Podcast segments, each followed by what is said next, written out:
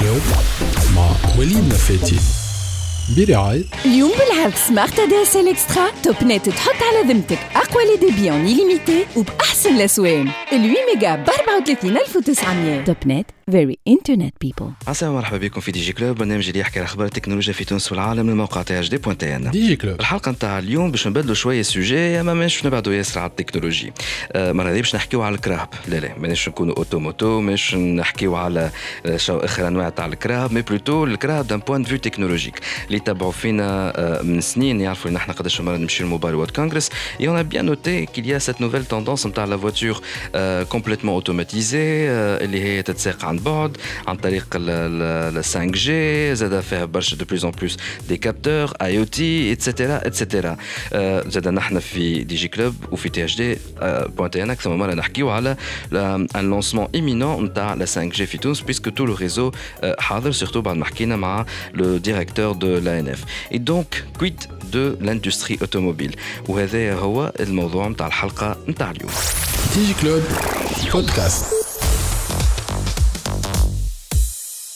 الضيف متاعي اليوم هو شخص اللي تعبنا بالجبناه في دي جي كلوب. خاطر عنده توقيت ياسر ياسر شارجي من الخدمة. اون بو كومبروندر في لي ريسبونسابيلتي نتاعو معانا اليوم سي عادل عايد سي لو دي جي دو جروب ارتس ارتس وهذه أول مرة نكتشف أنا في بالي ارتس هي أه، اللي تبيع الكراهة بتاع رونو يا أخي تبارك الله طلعوا فما برشا. راني ما نفهمش في الكراهة راني نقولها لكم تو آه، دونك ارتس اللي هي برونو في تونس. اللي هي بداسيا اللي هي زاد بنيسان وماركه الاول مره نسمع بها اللي هي لدا شنو هي قبل ما نحكيو على جروب ارتس آه سي عادل عايد آه شنو هي على مارك لدا للي ما يعرفوهاش كيفي Michel, نبداو بلا marque Lada. Donc la marque Lada, c'est une, euh, c'est la marque leader du marché russe. C'est la marque historique du marché russe. La marque Lada, ça a été jusqu'à un million et demi de voitures produites en Russie. Donc c'est la marque de la Russie. Donc euh, les Russes sortaient les Karabakh اسكو توانسه تحسهم ماشيين أكثر يشريوها لدا اسكو ان تيرم دو بري اسكو احسن شوية من الاخرين donc c'est donc ما تعرف روسيا les pays de l'est. Donc c'est des c'est des voitures rustiques solides mais rustiques. آه، إحنا تو باش نحكيو على التكنولوجيا بون سي دي. فواتور اللي ما فيهمش برشا تكنولوجيا سي لي فواتور على لانسيان بون لادا تعبت برشا واللو فات انها ما تبعتش التطور نتاع التكنولوجيا وخرت برشا لادا.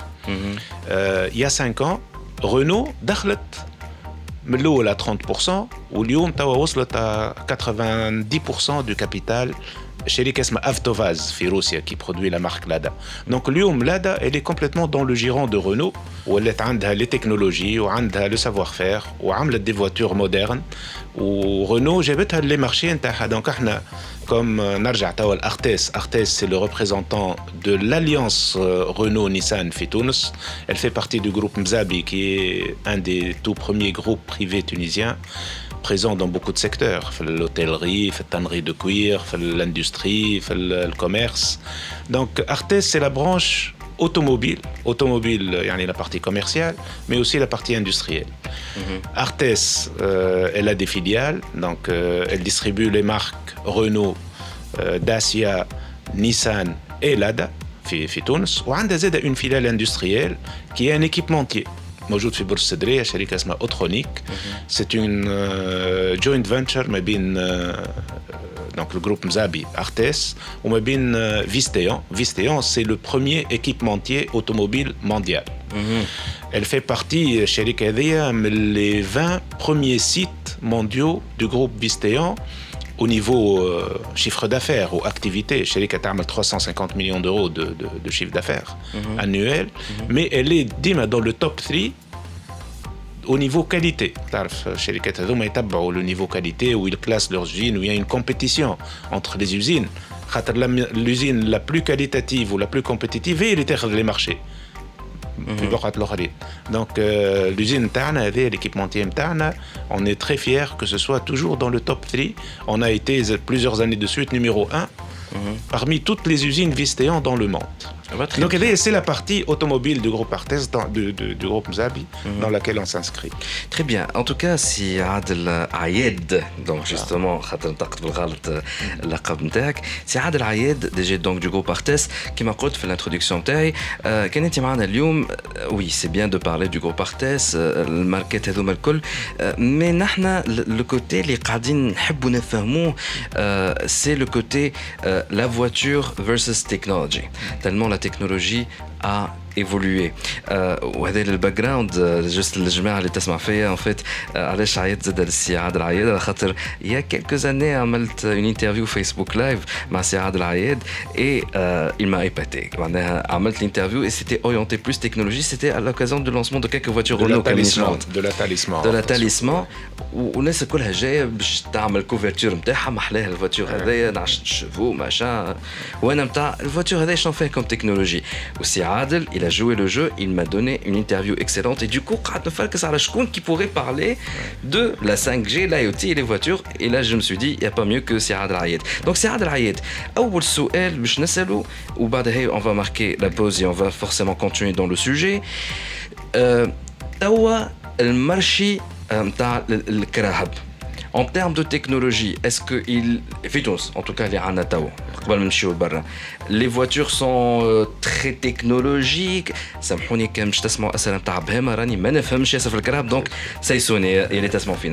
Est-ce que les voitures, les technologiquement sont à l'ère du temps, nous sommes à l'hit, kifesh.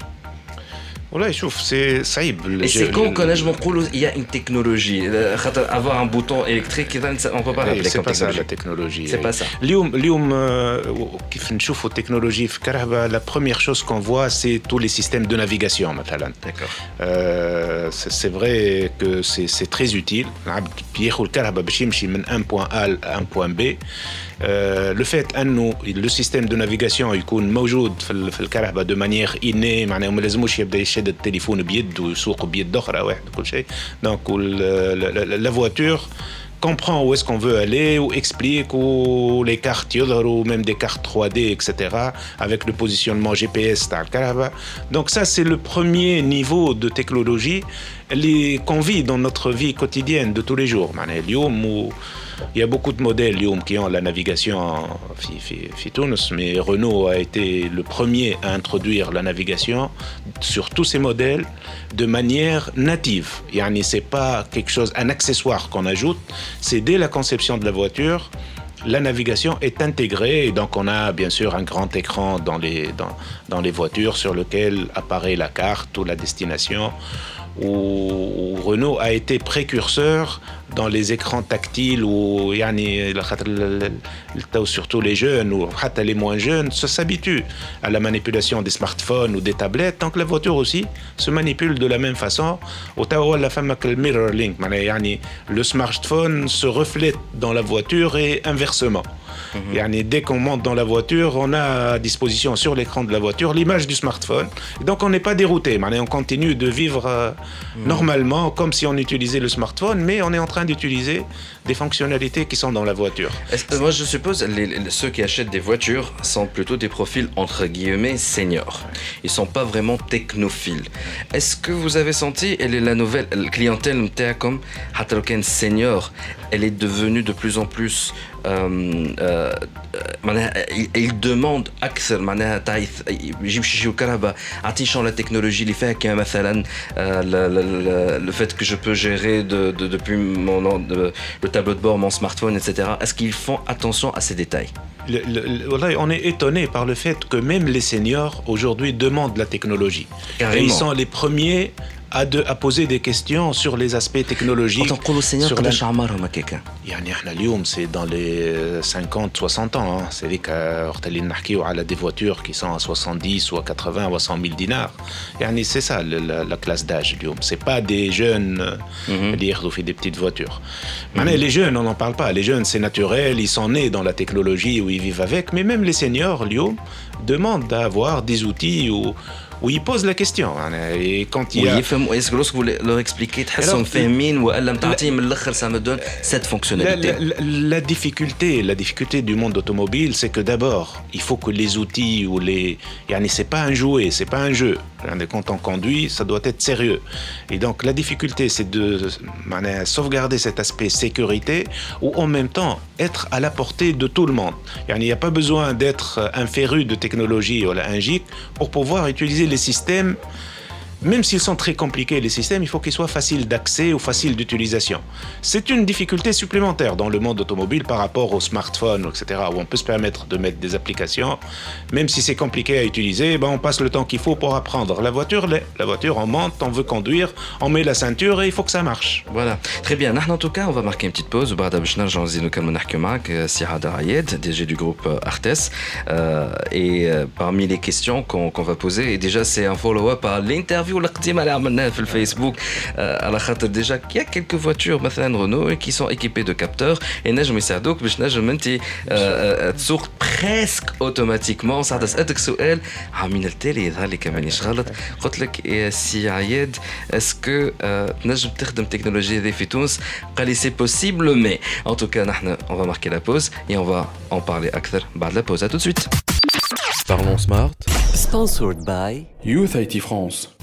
Bonjour et bienvenue dans ce nouveau numéro de Parlons Smart, votre rendez-vous hebdomadaire du groupe USIT.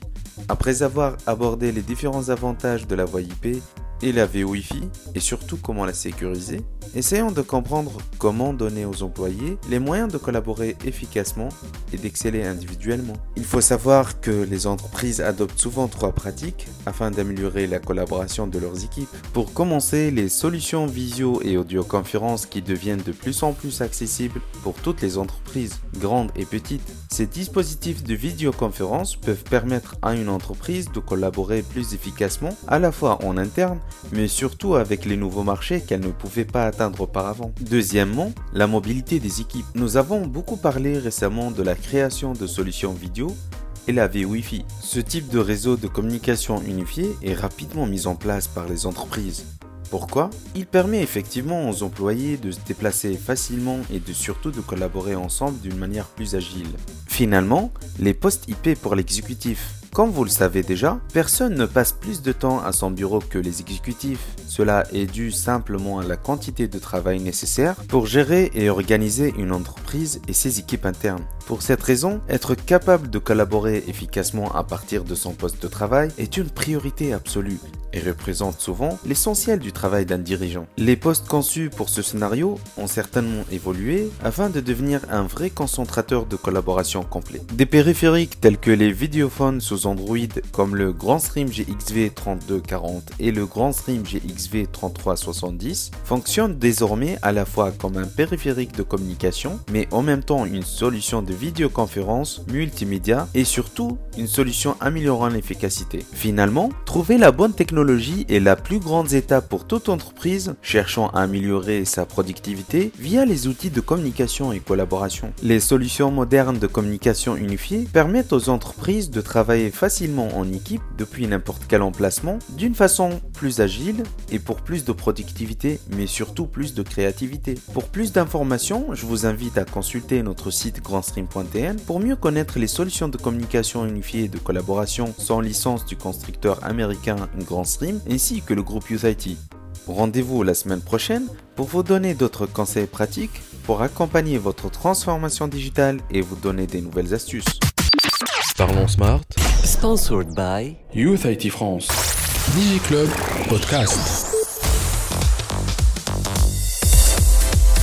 برعاية توب نت فيري انترنت بيبل رجعنا معكم في دي جي كلوب دونك كما قلنا الضيف نتاعنا اليوم هو سي عادل العياد دي جي دو جروب ارتس اللي عنده بليزيور مارك رونو داسيا نيسان لادا اي سي عادل العياد اون فيت حتى كان لاهي بلي فواتور مي يفهم لها زاد بالكدا في التكنولوجي بيسكو عملنا قبل اون انترفيو سيتي ان فيسبوك لايف ابروبو دونك دو لا تكنولوجي 5G les capteurs dans, dans les voitures euh, Renault euh, donc à l'époque في وقت الكونفérence de presse et justement puisque que donc, le sujet, c'est la technologie à l'ère de, l'IoT et surtout à la veille du lancement à 5G.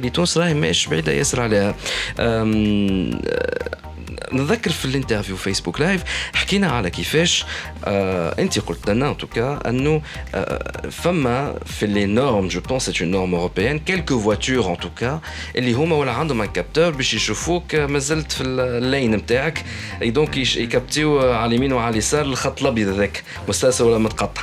اي دونك كان أنت خفات عينك شوية هذا اللي نذكره من الديسكسيون تاعنا. اي دونك كابتور يشوف ان انت ماكش على اللين مستوي. ساعتها يظل الفولون يدردع بيك باش يفيقك آه، هذا يظل هي سي اون دي نورم دو سيكوريتي امبوزي بار لونيون اوروبيان وساعتها أنا عملت لهم قلت لهم يذنوب كان في تونس قاعد يحترموا فيها. هذايا معناها واحد يجيب الكهرباء نتاعو هذيك ما تخدمش. آه، في تونس اسكو بالنسبة للبوان هذاك تحسنت الوضعية واقي مازال بعاد برشا؟ هما هما توا الحاجات هذوما بداو سي دي سي دي مويان ديد على كوندويت دونك كيما دي زوبسيون بداو من الاول في لي فواتور اود جام بداو في لي غراند مرسيدس وفي بي ام دبليو وفي اودي وبعد سا سي جينيراليزي بتيت ا بتي مي اليوم وصلنا لمرحله اللي لي نورم هذوما ولاو امبوزي imposé ولاو امبوزي في l'Union européenne تاو toutes les voitures même les voitures les plus basiques les petites vo- les, les doivent avoir le détecteur de dépassement de ligne يعني وقت اللي la voiture mord sur une ligne blanche sans que le le clignotant soit engagé يعني العبد il n'est pas en train de changer de, de, de, de traverser والا il mord sur euh, une ligne blanche continue dans tous les cas ما عندهاش الكهرباء الحق باش تمسها و اون ليني ديسكونتينيو ما تمسها كان ما الكلينيوتون انجاجي دونك لا فواتور elle gère tout ça و s'il y a une anomalie elle alerte elle, elle alerte le, le conducteur يعني ال- الفولون يولي يرعش وبعد تعمل حس باش يفيق. خاطر نجم يكون خفاه شوية ولا سهى ولا واحد. الحاجات هذوما الحاجات هذوما توا ولاو اوبليغاتوار اون اوروب يعني الكراهب اللي نجيبوا فيهم إحنا اون با الشوا ما نجموش نقولوا لا والله الاوبسيون هذيا بلادنا مازالت مش حاضرة ما نجيبوهاش. اليوم الكهرباء كي نجيبوها فيها.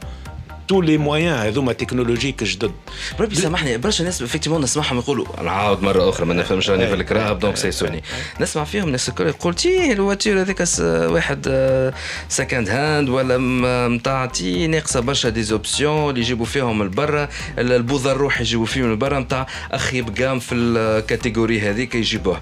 بالرسم الحكاية. لا لا اسمع هذه ايدي معناها فكرة شائعة لكن ماهيش صحيحة خاطر الكونستركتور سا لوي كوتري ترو شير باش يعمل اون جام كو بور تاع différentes l'Afrique du catégories. Nord ولا pour la Tunisie ولا لا يعني سي لي ميم جام كي sortent des mêmes usines اقل اوبسيون ولا اكثر يجيو اوبسيونيل يجيو يجيو يعني نفس الاوبسيون Bon, فيها on- احنا احنا on peut définir يعني dans la gamme il y a plusieurs niveaux d'équipement on peut choisir mais شنو معناه on choisit on choisit des équipements de confort mais des équipements de sécurité le constructeur ما يخليلكش الشوا باش تختارهم ولا ما تختارهمش يعني حاجات كيما اللي نحكيو فيهم احنا détecteur de passage de ligne ولا euh, détecteur de fatigue زاد كنت باش نحكي في ال... qui, qui, يعني une caméra qui observe le conducteur ou qui détecte si ses yeux se ferment ou pas يعني هذوما à partir de 2020 باش يولي obligatoire Sur toutes les gammes de voitures. يعني حتى الكراب اللي باش نجيبوهم كيف كيف باش تكون فيهم. يعني الحاجات هذوما اون با الشوا اون با شوازير كرهب كرهبتنا في تونس ولا في باريس ولا في فرانكفورت كيف كيف؟ Mais dans ce cas-là, qui, مثلا نرجع ليكزامبل تاع لي كابتور باش وقت انت تخرج على اللين نتاعك تبدأ ترعش الفولون اتسيتيرا اسكو زاد وصلوا توا كاريمون تقوا بك الكهرباء؟ نجم. هي اليوم ما وصلتش.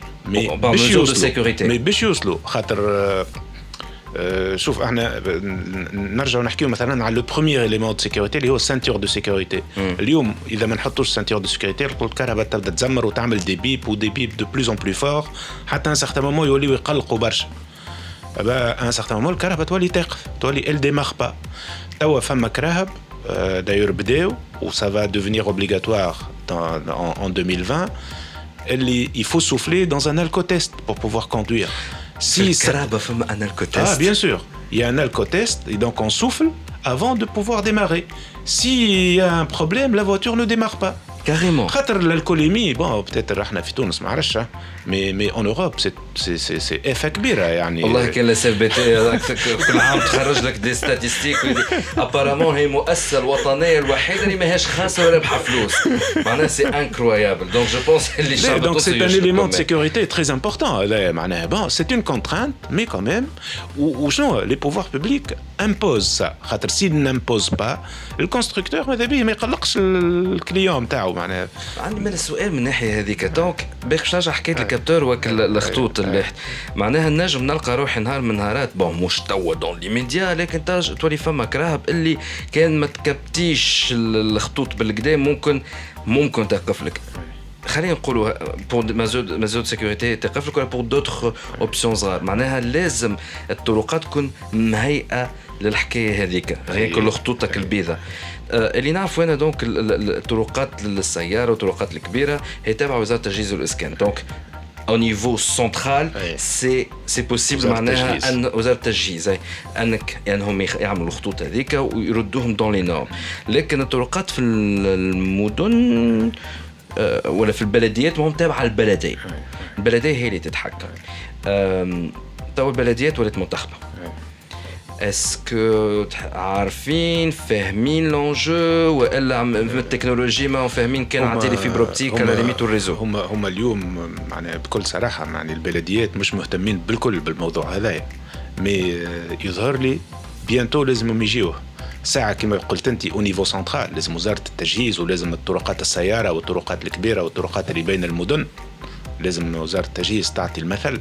وبعد لازم الدولة تعمل قوانين وتطبق القوانين ولازم البلديات تمتثل للي اللي باش تعملهم الدولة. معناها خاطر توا اليوم معناها سي انكدوتيك الحكاية اللي نحكيو فيها هذه نتاع الكهرباء وليني بلانش وتمس ليني بلانش وما تمسش خاطر معناها ما نجموش اليوم نوقفوا الكهرباء على خاطر ما فماش ليني بلانش.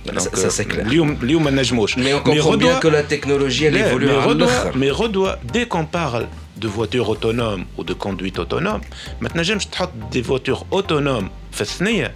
إذا كان ما يبداوش الثنية الكل أو نورم جو في جوي لافوكا دو ديابل دون سو كالا.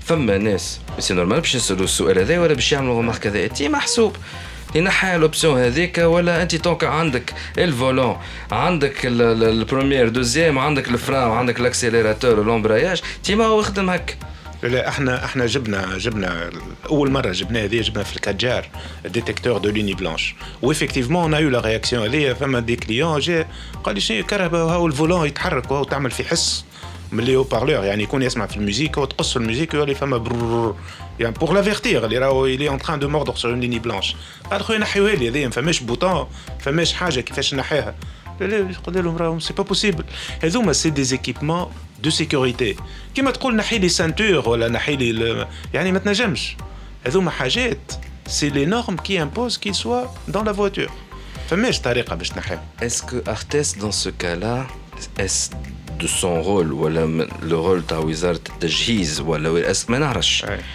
انها ما ماناش نقولوا اون شونج دي لوا خاطر صعيبه برشا الحكاية مع البرلمان واللي قاعد صاير في تونس.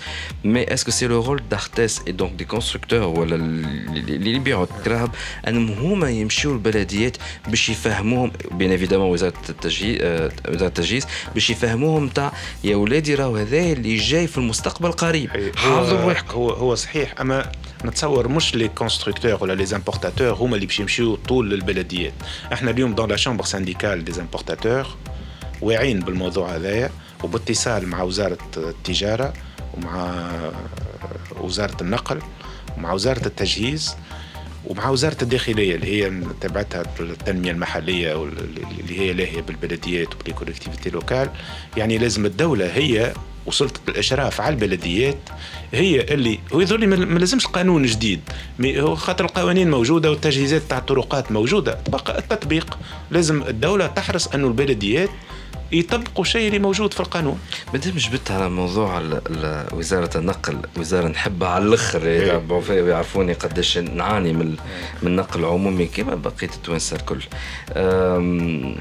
اون تيرم دو تكنولوجي شنو زاد اللي جايين ولا اسكو يا زاد دي اوتوبوس ما نقولش اوتونوم مي كي كي رونتر بلوس دون لير دو du, transport intelligent. Je dis n'importe quoi. femme bus, euh, et du coup, femme une communication indirecte. Le bus, il est prioritaire, euh, ou le hum, ils ralentissent, par exemple. Euh, Est-ce que femme technologie La grande évolution, les machines, au-delà de l'équipement technologique de la voiture. La voiture, elle va devenir de plus en plus intelligente avec des capteurs, elle peut se garer toute seule, elle peut ne pas dépasser la ligne, etc. Donc هذا شيء بدينا نستنسوا به وقاعد يتوجد وموجود de plus en plus وباش يولي démocratisé يعني باش يولي موجود في الكراه بكل مش كان في لي فواتور haut de gamme. L'étape d'après, c'est la voiture connectée وكي نقولوا la voiture connectée يعني مش هي connectée avec un site central. C'est أكثر من هكا c'est les, les, les les voitures ou les bus qui communiquent entre elles et qui s'échangent des informations. Donc ça, ça permet d'éviter des accidents, ça permet d'avertir sur ce qui peut arriver sur la route, sur les, les aléas de la route, et ça permet, comme de gérer des priorités de passage. des prototypes, déjà lancés. Bien sûr. Ou elle fait le plan et du coup dans 10 ans, je connais Les choses s'accélèrent énormément. Ou 10 ans, ما عادش نحكيو عليه. يعني وقت اللي حاجه احنا توا في مخاخنا ونخموا فيها شو معناها معناها يا يو دي بروتوتيب يا دي جون كي اون ريفليشي معناها دون لي دو تخوا زون باش تلقاهم موجودين ما عادش العشر سنين ما عادش تحكي عليه اليوم رانج روفر بداتها في انجلترا اون ايرلاند افيك ليكيب سي فواتور de détecteurs des problèmes qu'il y a sur la route تعرف اثنين تاع انجلترا contrairement à ce qu'on pense فيهم beaucoup de nids pool ياسر محفرين من وقت تاتشر اللي هما بعدوا بعدوا على l'entretien du réseau où ils ont privatisé à tout va واحد وكل شيء الانفراستركتور تاع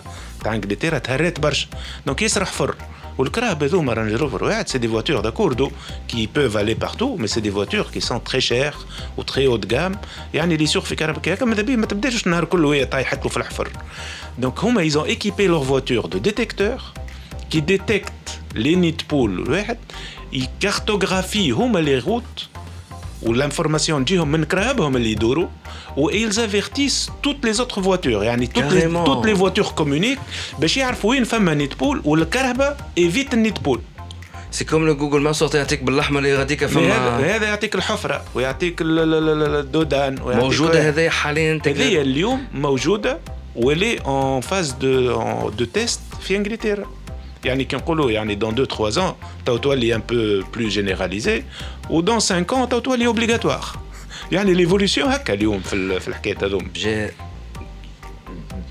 حاب نسال السؤال انت بيسكو vous êtes en contact avec le ministère des Transports est-ce que عارفين هذا كله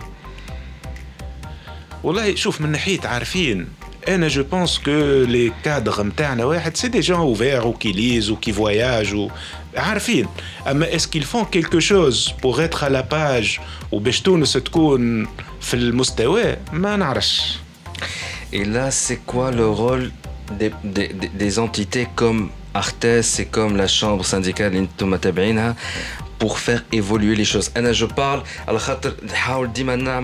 l'analogie avec le secteur des TIC, comme t'as les portables, t'as les opérateurs, ils font ce qu'on appelle du lobbying,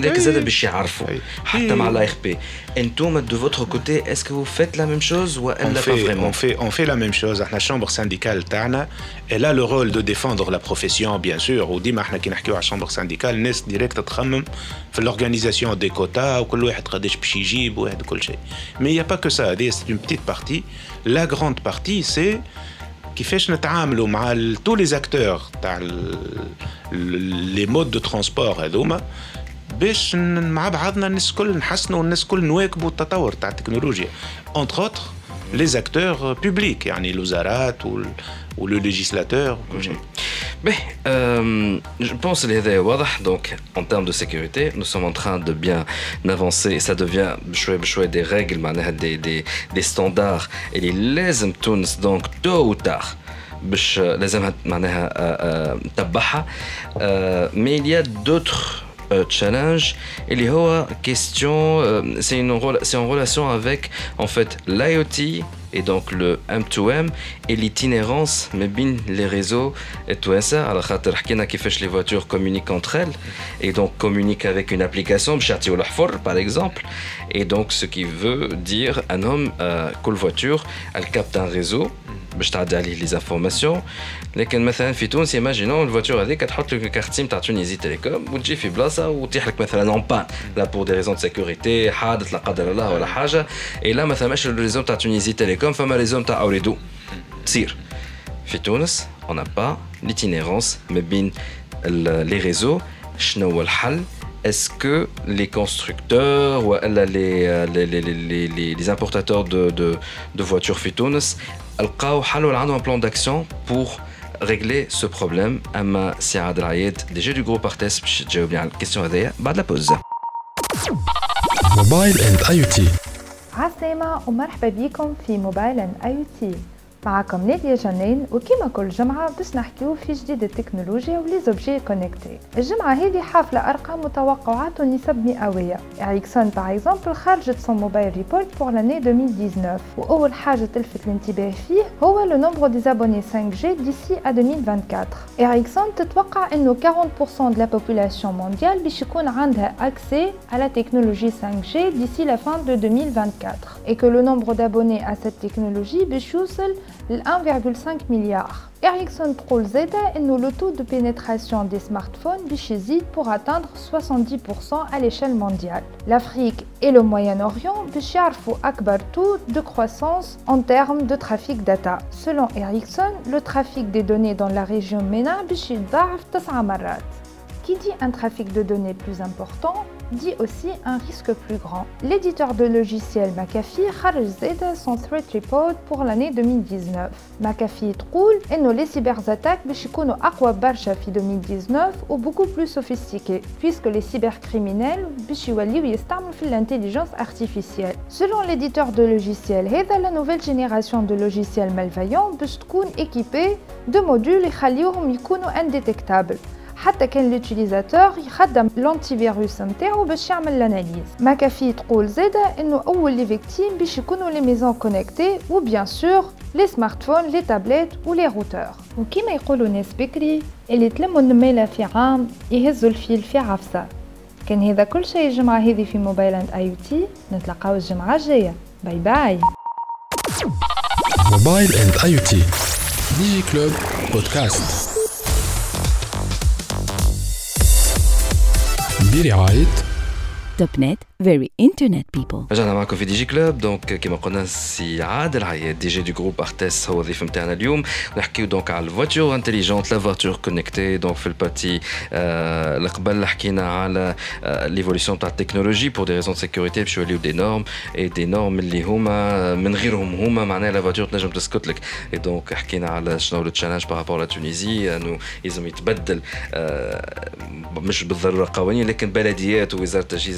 لازمها هي زاد زاد تتبع cette mouvance là باش نكونوا نحن dans les normes euh, européennes وهكاك ما تصيرش مشاكل avec ces voitures là et euh, en parlant de sécurité et en parlant donc euh, de, de, de, de voitures autonomes connectées c'est qu'on parle automatiquement d'IoT et lorsqu'on parle d'IoT on parle de machine to machine cette communication là entre euh, une deux voitures euh, ou la voiture avec un serveur central euh, et là si on prend l'exemple pour des raisons de sécurité مثلا la voiture dès que تصير لها حاجه ولا حسوا الكوندكتور اللي هو سافا با وكاميرا على عينيه نتاع راجل قد ولا داخل ولا صارت له حاجه كهرباء اوتوماتيكمون تقف باش تبعث une alerte c'est que il y a quelque chose une carte SIM اللي هي باش تبعث l'alerte sur un réseau في تونس عندنا le machine to machine donc on peut prendre une, une, une carte SIM dans ce sens mais خليت انا الاكزامبل مثلا انا في عندي الكارت سيم هذيك تخدم على الريزو تونيزي تيليكوم ولا قدر الله صار ان اكسيدون في زون فيهاش ريزو هذاك فما اريدو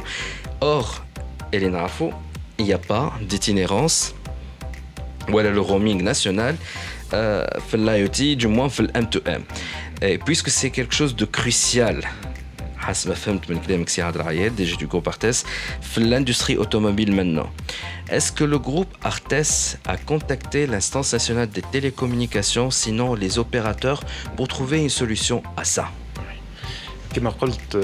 C'est un point crucial. Les voitures sont connectées et vont être de plus en plus connectées. Toutes les voitures qui vont sortir en 2019 ou, ou BAD, je confirme ce module de connexion où la voiture elle est connectée à son propriétaire. دونك سون بروبريتير ينجم بالسمارت فون نتاعو يسكتها ويخدمها ويفيروي ويديفيروي وينجم يديليميت اون زون وين تنجم تخرج ولا يعمل لها اوقات تخرج فيهم وما تخرجش وينجم يديفيني دي فيتيس ماكسيمال مثلا كان يعطيها لولده ولده ما نجمش يفوت 90 كيلومتر اور مثلا يعني تو سا سي بوسيبل لا فواتور elle est reliée aussi à l'importateur مثلا نحن في تونس اللي روليي لي سيرفر سنترال تاعنا دونك نتبعوها نعرفوا الكيلومتراج اللي اللي عملته نعرفوا l'usure نتاع لي كومبوزون دو سيكوريتي تاع لي بلاكيت دو فران اكسيتيرا et on avertit le conducteur et on prévoit لو فات انه باش يجينا اون مانتنونس نحضروا له لي بياس باش كي يجي يلقاهم حاضرين يعني تو سا هذا تو اليوم هذا اليوم سي بوسيبل لا كليو اللي باش تخرج اون 2019 سي لا بروميير فواتور رونو qui est équipée en standard. Helium, c'est possible en tant qu'option.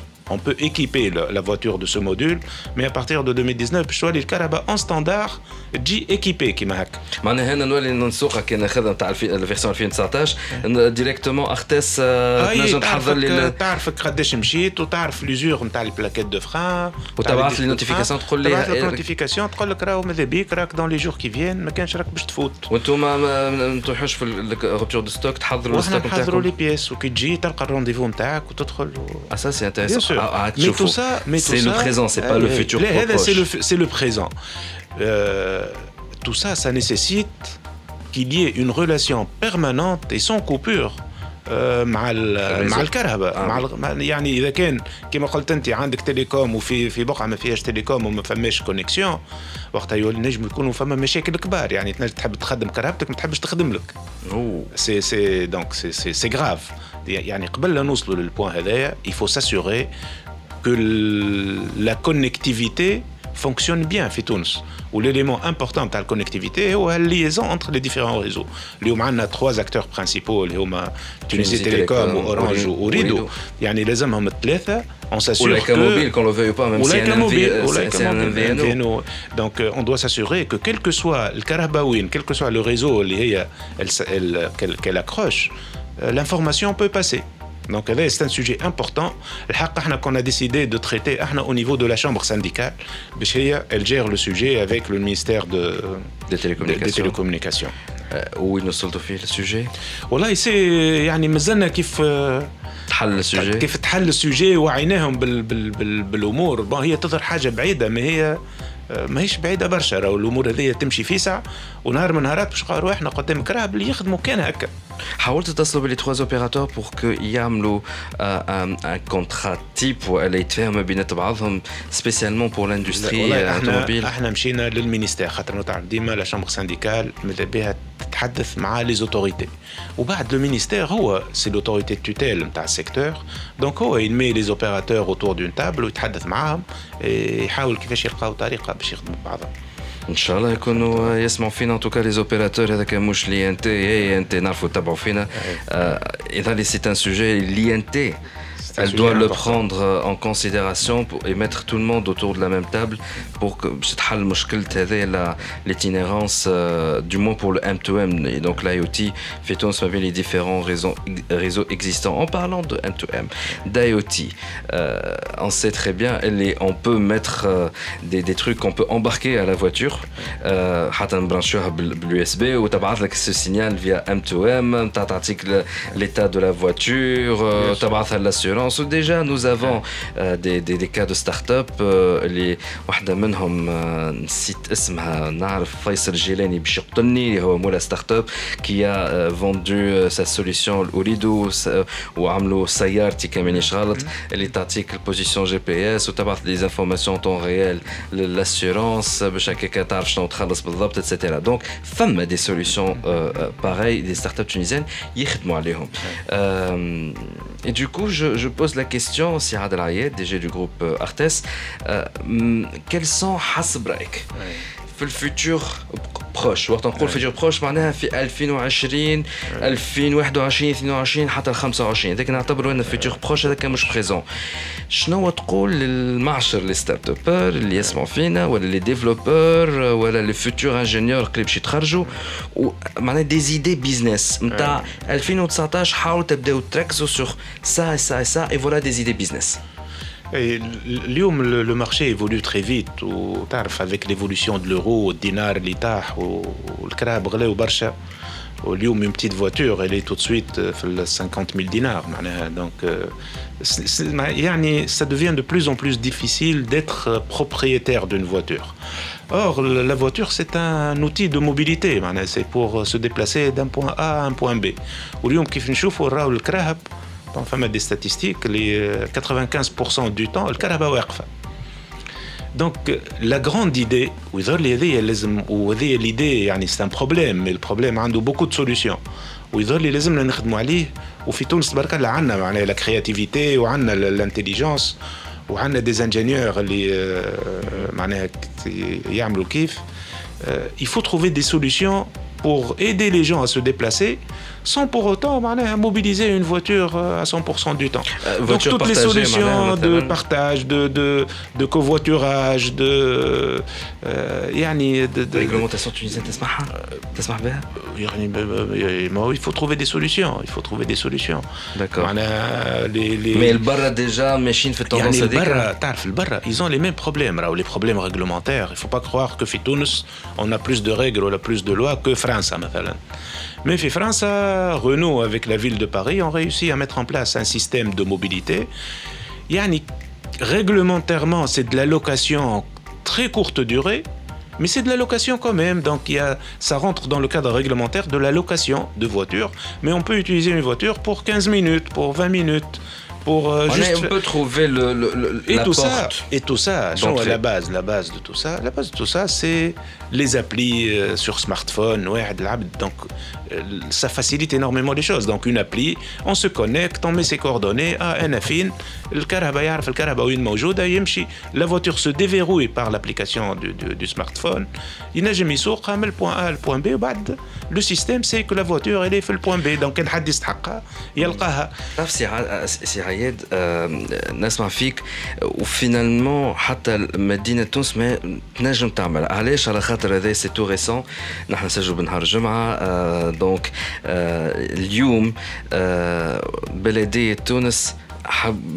ils ont ils ont fait un appel معناها public disant que باش يبداو يتستيو نهار الاحد يكون فماش كراهب mais ils offrent le parking gratuitement هذا عطاو ليست تاع لي باركينغ gratuitement باش الناس تحط كراهبها تونس العاصمه ما عادش يدخلوا فيها كراهب وهذا جو بونس سي لا بورت دونتري على انه يولي فما يظهر لي تنجم تكون سوليسيون اي دونك جو بونس اللي لي ستارت اب اللي يسمعوا نجموا يعملوا سيت سوليسيون لا يمشيو بلديه تونس يظهر لي فما معناها اون بورت دونتري ا سو سيستيم لا سينون اسكو il y a notre idée notre idée business انت كوم سبيسياليست تاع il y a il y a bien sûr tout ce qui tourne autour de l'entretien et de la maintenance et du suivi du parc automobile et aider les gens à suivre les voitures deviennent de plus en plus sophistiquées ou de plus en plus compliquées de plus en plus cher. Donc il faut des outils la vie de sa voiture. Donc avec toutes les outils, tous les moyens de communication ou de connexion entre euh, tous ces systèmes, il y a, il y a des choses à réfléchir pour aider les gens à optimiser ou à améliorer leur, euh, mhm. leur relation avec leur véhicule. Et voilà, parce que tout est en train de se digitaliser. Et justement, en parlant de digitalisation, احنا جبنا ديجا ان انفيتي وخصصنا اون بون بارتي في ليميسيون هذيك على لا ترانسفورماسيون ديجيتال en général mais aussi la transformation digitale de, du secteur automobile, de l'industrie automobile. Et j'aimerais bien savoir quel est l'état des lieux dans ce secteur-là, les Knedekolo, bah la pause. En direct d'Alger. En direct d'Alger avec Abdelafir Khnifsa. Numérisation et rencontre Wali gouvernement. Le Premier ministre Ahmed Ouihia a exprimé jeudi dernier à Alger la volonté du gouvernement de poursuivre en 2019 la numérisation de l'administration à travers une interconnexion approfondie entre le niveau central et le niveau local à l'issue des travaux de la rencontre gouvernement-Wali. Il ajoute S'agissant de l'efficacité de l'administration, elle continuera à progresser grâce à la numérisation qui fait l'objet d'une véritable mobilisation du gouvernement. Il a estimé qu'à l'horizon 2021, l'Algérie aura parachevé sa profonde mutation en matière de numérisation et d'administration électronique. D'un autre côté, les participants à la rencontre gouvernement Wali dont les travaux ont pris fin jeudi dernier au Palais des Nations Club des Pins à Alger ont mis l'accent sur la nécessité de faire de la numérisation le moteur de la modernisation du service public, tout en l'accompagnant d'un système efficace pour alléger et faciliter les procédures. Des recommandations ont été émises. En effet, les participations de l'atelier pour un écosystème numérique territorial moderne et simplifié ont mis en avant l'accélération d'utilisation du numéro d'identification national, le NIN, tout en incitant à adopter un numéro d'identification national unifié pour les personnes morales et la mise en place d'un mécanisme de coordination entre les secteurs concernés pour généraliser son utilisation dans le secteur économique. Ils ont souligné en outre la nécessité d'accélérer le développement des services publics via Internet en proposant des services simples et optimaux pouvant être accessibles via des supports multimédia, mettant l'accent sur l'impératif de moderniser la gestion des services sectoriels qui continue d'attirer un nombre important notamment le système fiscal, le cadastre et la conservation financière, et ce afin d'atténuer la pression et de mieux contrôler. Il a été également recommandé le développement des services numériques au profit des habitants, notamment celles ayant trait aux différents risques qui les guettent à l'image des accidents de la route, de la météo, des inondations, des incendies, des épidémies et des différents autres dangers. Cette rencontre donne une image de ce qui va être fait à l'horizon 2021 beaucoup de choses. Des data centers, des applications, de la connectivité et de la sécurité. Informatique, bien sûr. Bonne écoute. Merci. C'était En direct d'Alger avec Abdelafir Nifsa. En direct d'Alger. Club Podcast. برعاية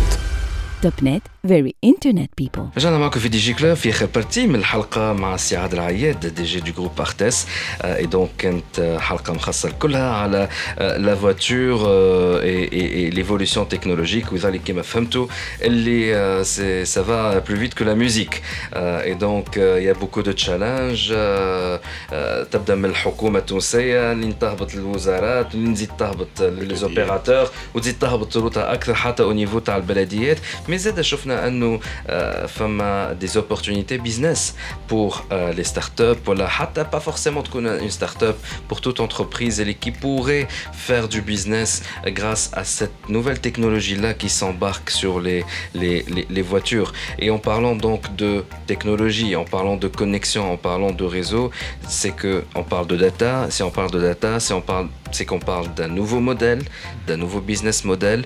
Et là donc l'entreprise لازمها تكون à cette euh, en diapason كما نقولوا فيها de cette transformation تاع le business et c'est de là تجي كلمة la transformation digitale. Déjà حصصنا حلقة مع le DG de SPX euh, et c'était حلقة déjà très intéressante وكانت انتهت ما برشا ناس دخلوا سمعوها à propos de la transformation digitale تاع les entreprises في تونس وعطاها un état des lieux plutôt sombre.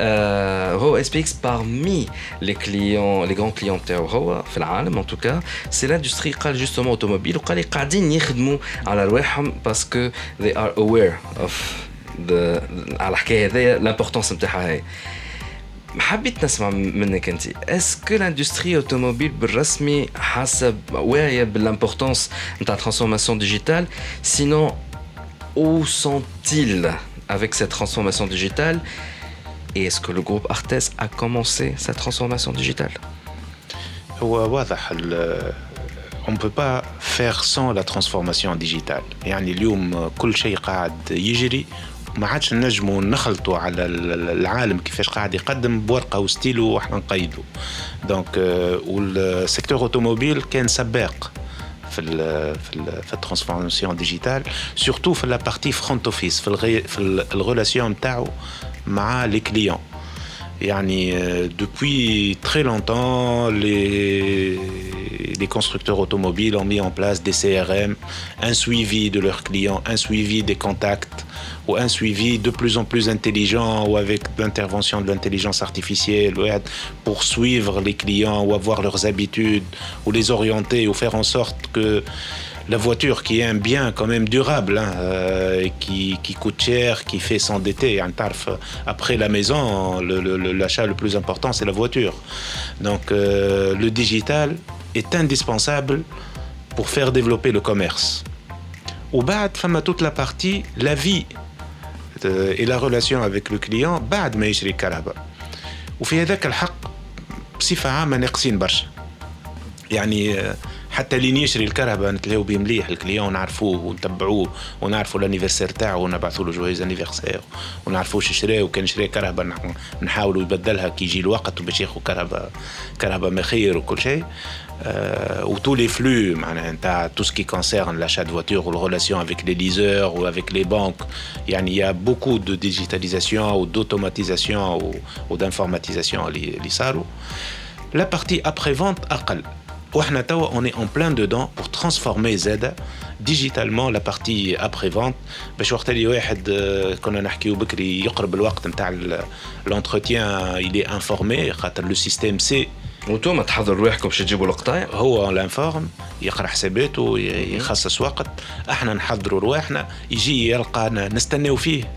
دونك ما يشدش الصف واحد يلقى بونجور مسيو كذا نقراو لي بلاك ديماتريكولاسيون نعرفوا هو شكون اي اون لوريونت فيغ لابي اللي باش تعمل له السيرفيس ابري فونت نتاعو ويحس بروحه attendu ou ça fait partie ça construit la relation la relation avec le client tout au long de la vie de, de et donc de, de donc on est en plein dedans on est en plein dans la dans le chantier de la digitalisation de la prévente il y a eu tout un travail d'infrastructure à faire donc on a rénové totalement les ateliers internes où on est en phase d'implémentation des solutions de digitalisation اللي هما متعرف احنا l'avantage un importateur d'un constructeur mondial, c'est que on bénéficie bien sûr de toute l'infrastructure et de tous les travaux qui sont réalisés par le constructeur. Donc on n'invente rien, on met en place des outils éprouvés, testés, qui ont fait leurs leur preuves par ailleurs.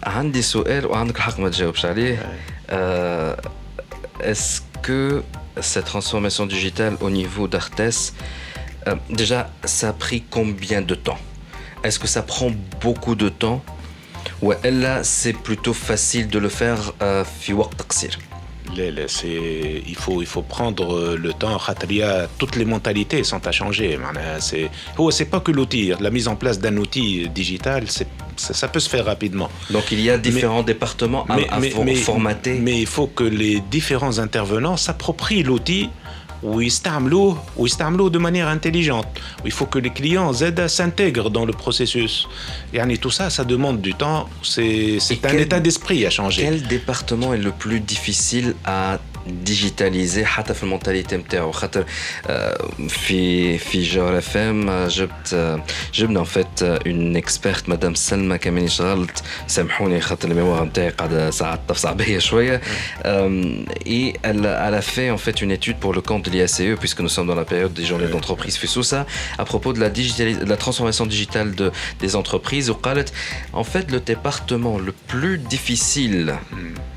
à lui faire adopter cette transformation digitale, c'est le département RH. Et donc, علاش السؤال نتاعي كما قلت عندك الحق باش ما تجاوبش خاطر هذوما الحاجات l'interne de l'entreprise. Est-ce que c'était le département RH ou il y a d'autres départements qui étaient... Euh, quel est le challenge Enti comme chef d'entreprise, quel est le challenge Où il le challenge كما قالت هي في département RH ou il y a d'autres départements je pense qu'on n'a pas eu de soucis. Le département RH, les choses se sont passées. Euh, c'est parmi les premiers départements qui ont été digitalisés. Toute la partie RH, Artes, est gérée de manière euh, يعني automatique ou informatisé ou toutes les informations les dossiers du personnel la gestion des congés la gestion de la présence ou la, ou la gestion de carrière ou le suivi c'est digitalisé sans problème mais en tant que chef d'entreprise quel message vous donnez يعني يعني peut-être il faut la partie technique contrairement à ce qu'on pense يعني la partie technique avec où il y a des, des mécaniciens chevronnés euh, ils sont les plus difficiles à entraîner dans le monde digital et Hmm. dans cette relation euh, continue et, et transparente avec les clients c'est- Hmm. c'est difficile معناها معناها peut-être ماذا بيهم هكا يخليوا هكا un peu de mystère autour de leur euh, chasse gardée هكا ويخليوا تظهر حاجه معناها حاجه كبيره alors que كي تولي كل شيء ديجيتال وكل شيء م- واضح وكل شيء transparent euh, peut-être ils ont l'impression que euh, on les espionne. مش qu'on les espionne mais ça banalise ça banalise leur ah. savoir-faire ou leur euh, euh, ça démystifie c'est ça le côté un peu ça, ça démystifie, ça démystifie ah, et dans ce cas-là comme chef d'entreprise encore quel message vous donnez t'as Manfina peut-être un grand vous êtes parmi les plus grands les GO on a fait DJ Club. Rarement on a des des, des, DG de groupe mané akbar et notamment je mets un télécom et mais في السيكتور كما السيكتور اوتوموبيل كان يسمع فينا واحد من اللي عنده une grande entité شنو تنصحوا la transformation digitale تقول لهم تاع اليوم قبل غدوة والا متاع ne vous lancez pas sans planification. Quelle, quelle Le- erreur le- à éviter le- le- le- le- Je pense que la transformation digitale, il faut, il faut la lancer immédiatement. معناها. Si, si on ne l'a pas déjà fait, il faut le lancer immédiatement. اليوم قبل غدوة. اليوم قبل غدوة, mais il faut faire attention. Il faut passer beaucoup de temps à expliquer euh, pour que tout le monde s'approprie cette transformation digitale et ne la vit pas comme une contrainte. C'est pas une contrainte, c'est c'est quelque chose qui doit faciliter la vie.